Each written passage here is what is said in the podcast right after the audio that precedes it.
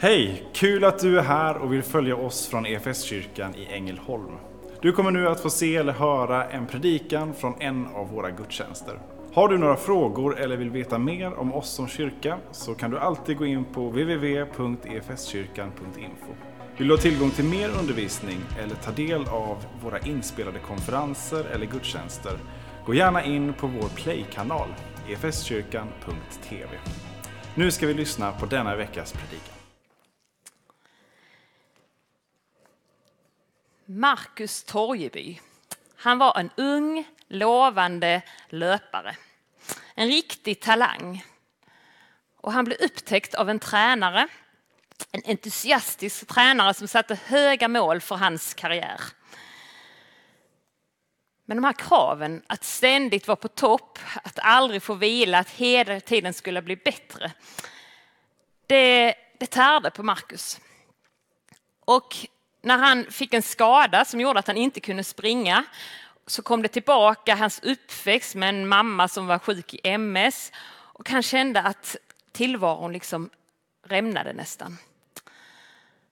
Och för att inte helt tappa fotfästet så eh, gjorde han något drastiskt. Han, 20 år gammal så bosatte han sig i en kåta utanför Järpen. Och där levde han som eremit i fyra år.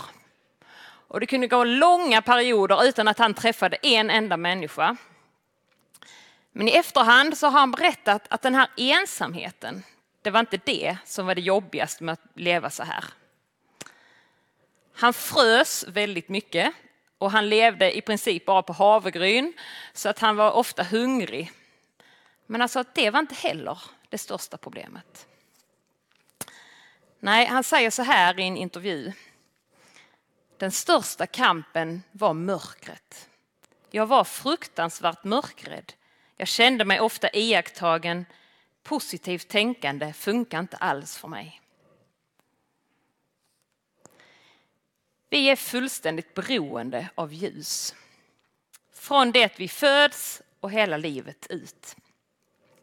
Ljuset styr vår dygnsrytm, men det skyddar oss också från många sjukdomar, från depressioner och att det gör att vi mår psykiskt bättre.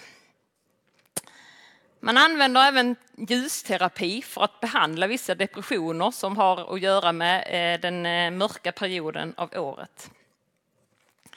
Vi påverkas nog olika mycket av det här dagsljuset, men jag kan i alla fall säga för min del att jag blir otroligt glad när jag märker på eftermiddagen att oh, det, är inte lika, det är inte mörkt lika länge längre. Eh, nu kan jag gå ut lite senare och så. Jag, kan, eh, jag kollade, dagen har för övrigt blivit 3 timmar och 33 minuter längre än vintersolståndet den 21 december. Så att det går mot rätt håll, för mig i alla fall. Det kan ju vara någon som tycker att det... Ja. I alla fall, hela skapelsen började med att Gud sa var det ljus och det blev ljus. Och han såg att det var gott, står det i Bibeln. Gud såg att ljus var en förutsättning för att det ska kunna finnas något liv här på jorden. Och ljuset fick stå för det goda, för livet, för hoppet, för glädjen. Och och så skapade han människor som fick leva i det här ljuset. Men så vet vi nog alla att människorna vände Gud ryggen. Men synden kom in i världen och därmed lämnade människorna också det fullkomliga ljuset och mörkret trängde in i vår värld. Och vi kan bli mörkrädda. Inte bara av det här fysiska mörkret som Markus Torjeby eh, pratar om, där är vi nog lite olika, utan vi kan bli mörkrädda av det här mörkret som vi ser på så många ställen och sett runt om i vår värld. Krig, svält, mobbning, mord, orättvisor, våld. Ja, jag tror inte jag behöver ge fler exempel för att det räcker att vi bara bläddrar i en tidning, tittar på tv så ser vi det. Och så landar vi så lätt i den här eh, frågan, klassiska frågan. Ja, men om det nu finns en god Gud som är livet som är ljus, varför finns det onda? Varför finns det mörka här i världen? Jesus säger ju då i Johannes 8 och 12 jag är världens ljus och den som följer mig ska inte vandra i mörkret utan ha livets ljus. Jesus säger faktiskt inte att han är världens ljus och därför ska det inte finnas något mörker här på jorden. I Johannes första kapitel istället, lite tidigare i hans bok, alltså, så skriver författaren så här om Jesus. I honom var liv och livet var människornas ljus och ljuset lyser i mörkret och mörkret har inte övervunnit det. Det står att ljuset är levande, det lyser i mörkret. Så även om vi känner att här är mycket mörker så lyser ett ljus, Jesus, i mörkret. Och vi får följa det. Den som följer det ska inte vandra i mörkret här inne. Vi ska få ha ett ljus här inne att följa. Eh, även om det kan kännas mörkt runt omkring oss.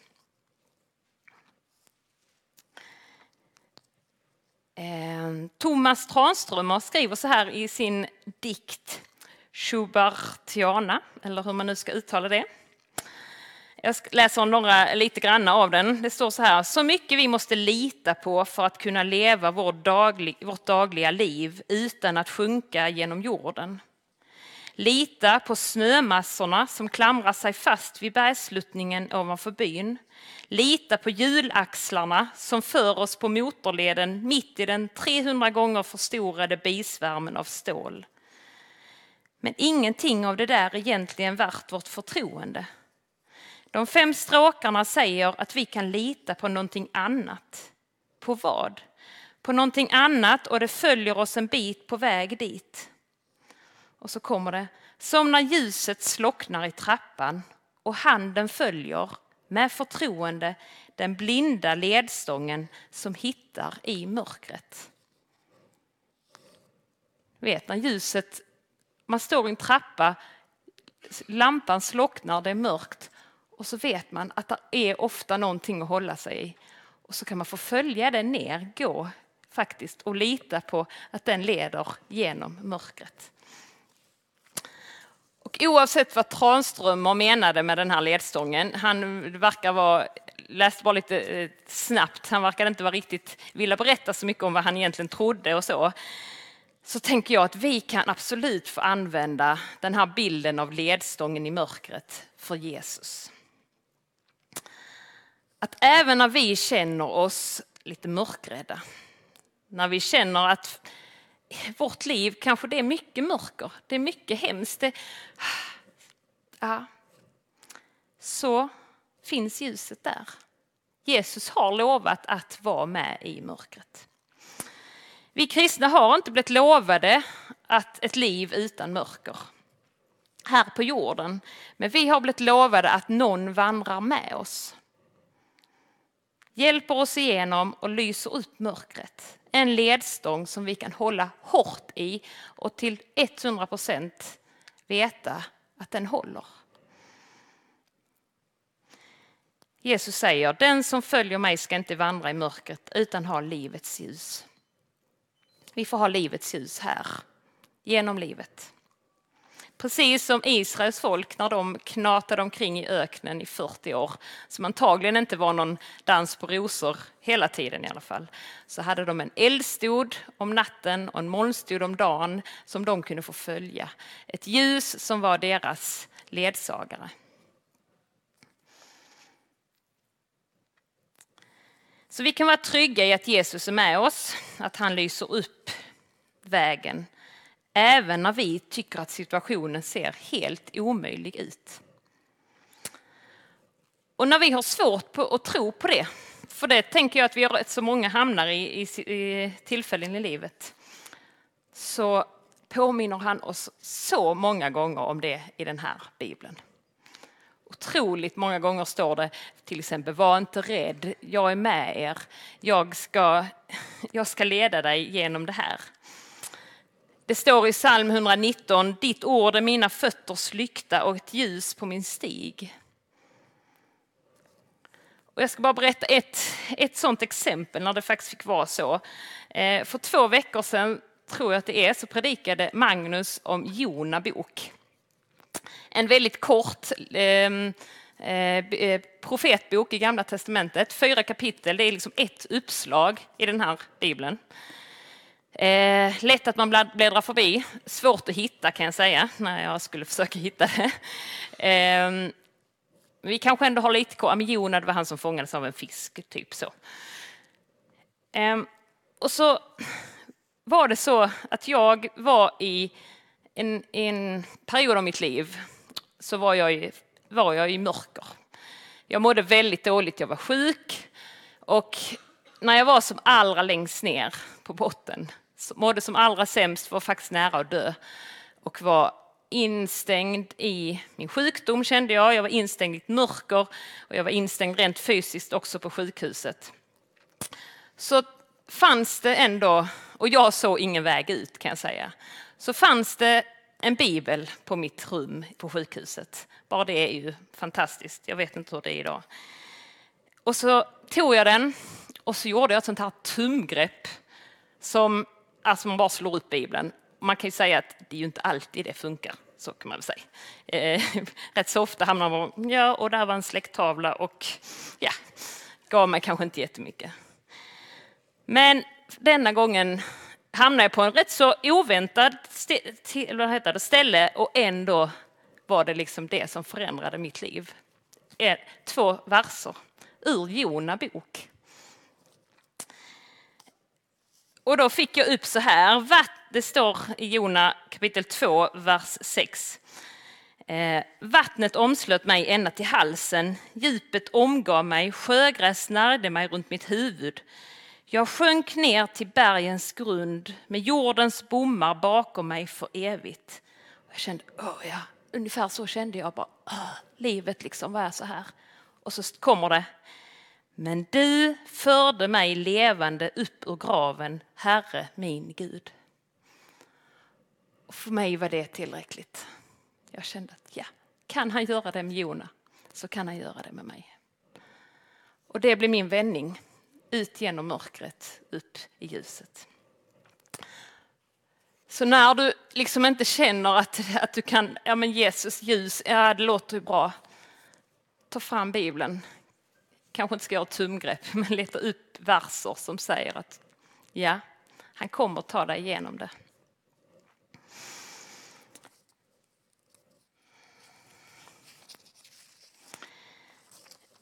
Så Jesus kan få vara vår ledstång. Men jag tror också att vi kan få vara ledstänger i, i varandras liv. Åsa läste om att Jesus säger att vi också ska vara världens ljus. Och jag tror att vi kan få dela med oss ännu mer av våra erfarenheter. Av att vi kanske har varit i ett mörker men faktiskt tagit oss ut. Vi har fått se ljus, att det går att komma ut i ljuset igen och att vi får dela det med varandra. Att vi får visa på att jo, men du kan lita på att det kommer, att det finns, att Jesus vill vandra med dig. Att ljuset faktiskt är starkare än mörkret. Att mörkret har inte övervunnit ljuset. Och hur kan vi lita på det egentligen? Jo, vi kan lita det på för att Jesus kom till den här jorden. För att ta upp kampen mot det mörka, mot det onda, mot de mörka makterna. Och han var nere i det djupaste mörkret. Han återvände därifrån. Han besegrade döden. Han bröt det andliga mörkret här i världen och han visade att ljuset är starkare än mörkret. En seger som inte tog bort allt det mörka här i den här världen. Men som gav alla som vill tro på honom en möjlighet att vandra tillsammans med honom som ledljus och gav oss ett hopp om ett liv med honom i evighet där inget mörker finns. Så Jesus vill vara ett ljus som visar vägen, som hjälper oss att inte irra runt. Han vill vara ett ljus som befriar, som frälser och räddar. Men det innebär också faktiskt att hans ljus avslöjar. som faktiskt visar ibland för oss på det som i våra liv är fel. Som vi behöver ta itu med. Vet ni, när han säger de här orden, jag är världens ljus, så har han precis innan i, eh, i, Johannes evangeliet haft ett väldigt utmanande möte med en grupp fariseer, skriftlärda, som väldigt gärna ville sätta honom på prov, som ville få honom att säga någonting som de kunde anklaga honom för. Och så hade, fanns det också en kvinna. Jesus befann sig i templet och undervisade. Och så kom de här männen släpandes med en kvinna som de hade ertappat med äktenskapsbrott. Och de kastade säkert fram henne där i grusen och så sa de Jaha, du, vi har ertappat henne med detta och i Mose lag står det att vi ska stena henne. Vad säger du egentligen? Och så Jesus tyst ett tag. Och så säger han till sist, den av er som är fri från synd ska kasta första stenen på henne. Och så gissar jag att de står en liten stund äh, känner irritationen över att han faktiskt kom på en så bra sak att säga. Och sen går de därifrån en efter en. Och kvar blir Jesus bara med kvinnan. Och så säger Jesus till henne, inte heller jag dömer dig. Gå nu och synda inte mer. Men jag tänker att hon går inte därifrån. Hon tänker, vad är det här för någon? En man som som vet vad jag har gjort, som säger att jag ska inte synda mer. Och ändå visar han mig den kärleken. Ändå visar han mig den här förlåtelsen. Alltså jag som i mångas ögon inte var någonting värd. Här står en man framför mig och bara liksom visar att jag är betydelsefull, visar att jag är värd någonting. Vem är detta? Så jag tror hon stannar kvar. Och så är det både till henne och till folket som han säger, jag är världens ljus. Rent krast dock tänker jag att det skulle kunna bli rätt jobbigt för henne. För han satte ju faktiskt ljus på det hon hade gjort. Han visste hennes historia, han visste att den inte var helt eh, felfri. Och han sa egentligen inte till henne, jag struntar väl hur du lever. Du får väl göra som du vill i ditt liv. Jag bryr mig inte om det. Utan han sa faktiskt till henne, synda inte mer. Gör inte det här du har gjort mer. Men medans vårens första solstrålar med väldigt hård dom visar hur smutsiga våra fönster är. I alla fall, kanske bara där hemma hos oss, men i alla fall så är Jesus dom en helt annan. Eller han är inte dömd, hans ljus menar jag är inte, där finns ingen dom. Jesus ljus är inte dömande. Det är inte som de här solstrålarna utan Jesus ljus är fullt av förlåtelse. Det är avslöjande, det visar oss att vad vi gör fel, men det är också fullt av förlåtelse. Så när kvinnan, hon vågade stanna kvar för hon visste att Jesus säger inte heller jag dömer dig.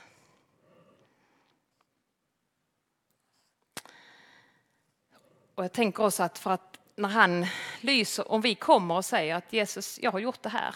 Jag vet att du vet det och jag vet att du ser att jag har gjort det här, men jag vill be om förlåtelse. Sen kan han lysa med sitt ljus och, ändå, och då ser han inte det, utan han ser kanske bara sig själv. Sin seger ser han när han tittar på oss. Så kvinnan vågade vara kvar i hans närhet och vi kan våga komma till honom med våra tillkortakommande. Vårt mörker kan vi komma med och ta del av hans ljus.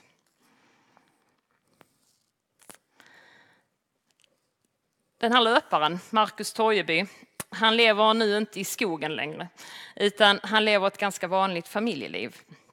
Men han brinner för att fler ska upptäcka naturen. Och han har sagt att ett av hans viktigaste mål är att få folk att kliva ut genom dörren.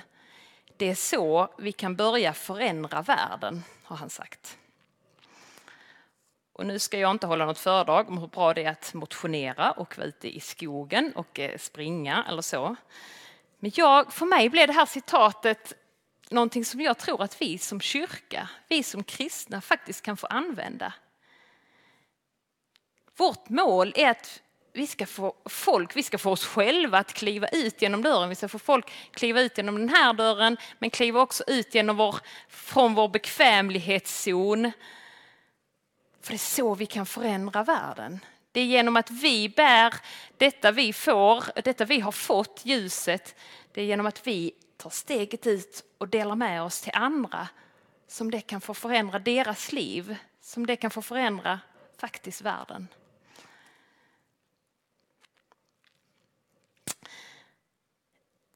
Jesus säger att vi är världens ljus och jordens salt.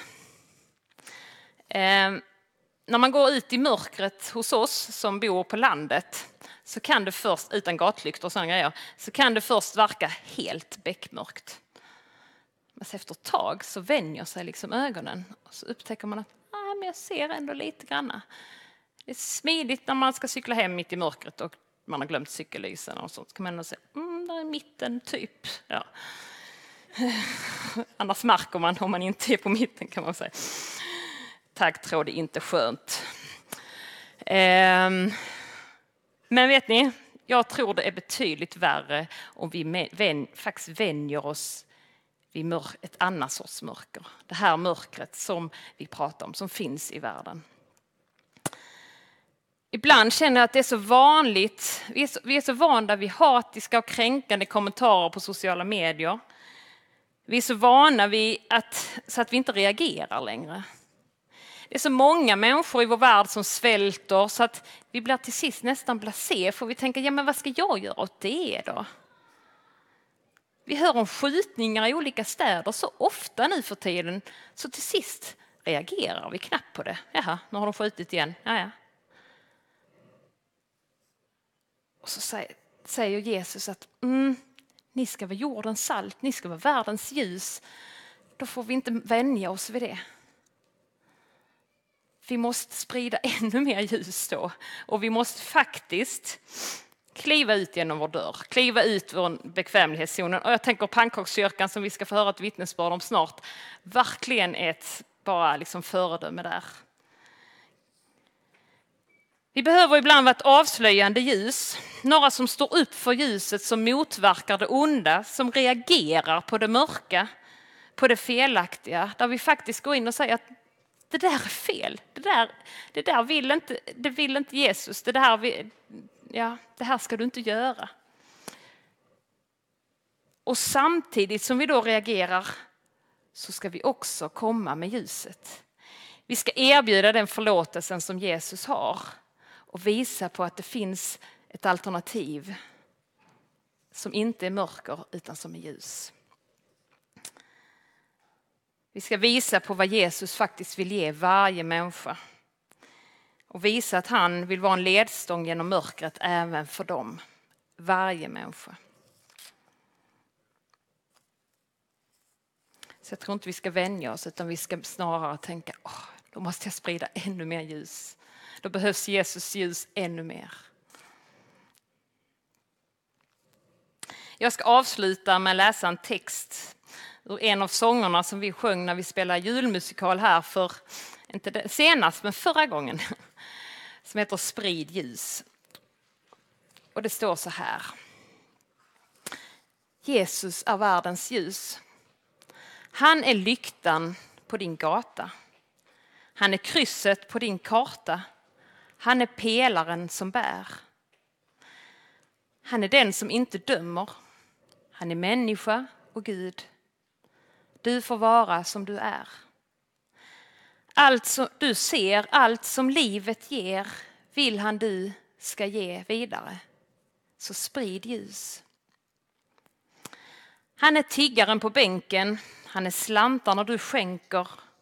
Han är den som alltid finns. Han är den som ger dig klokhet, han är den som får dig att se, han är skärpan i din lins.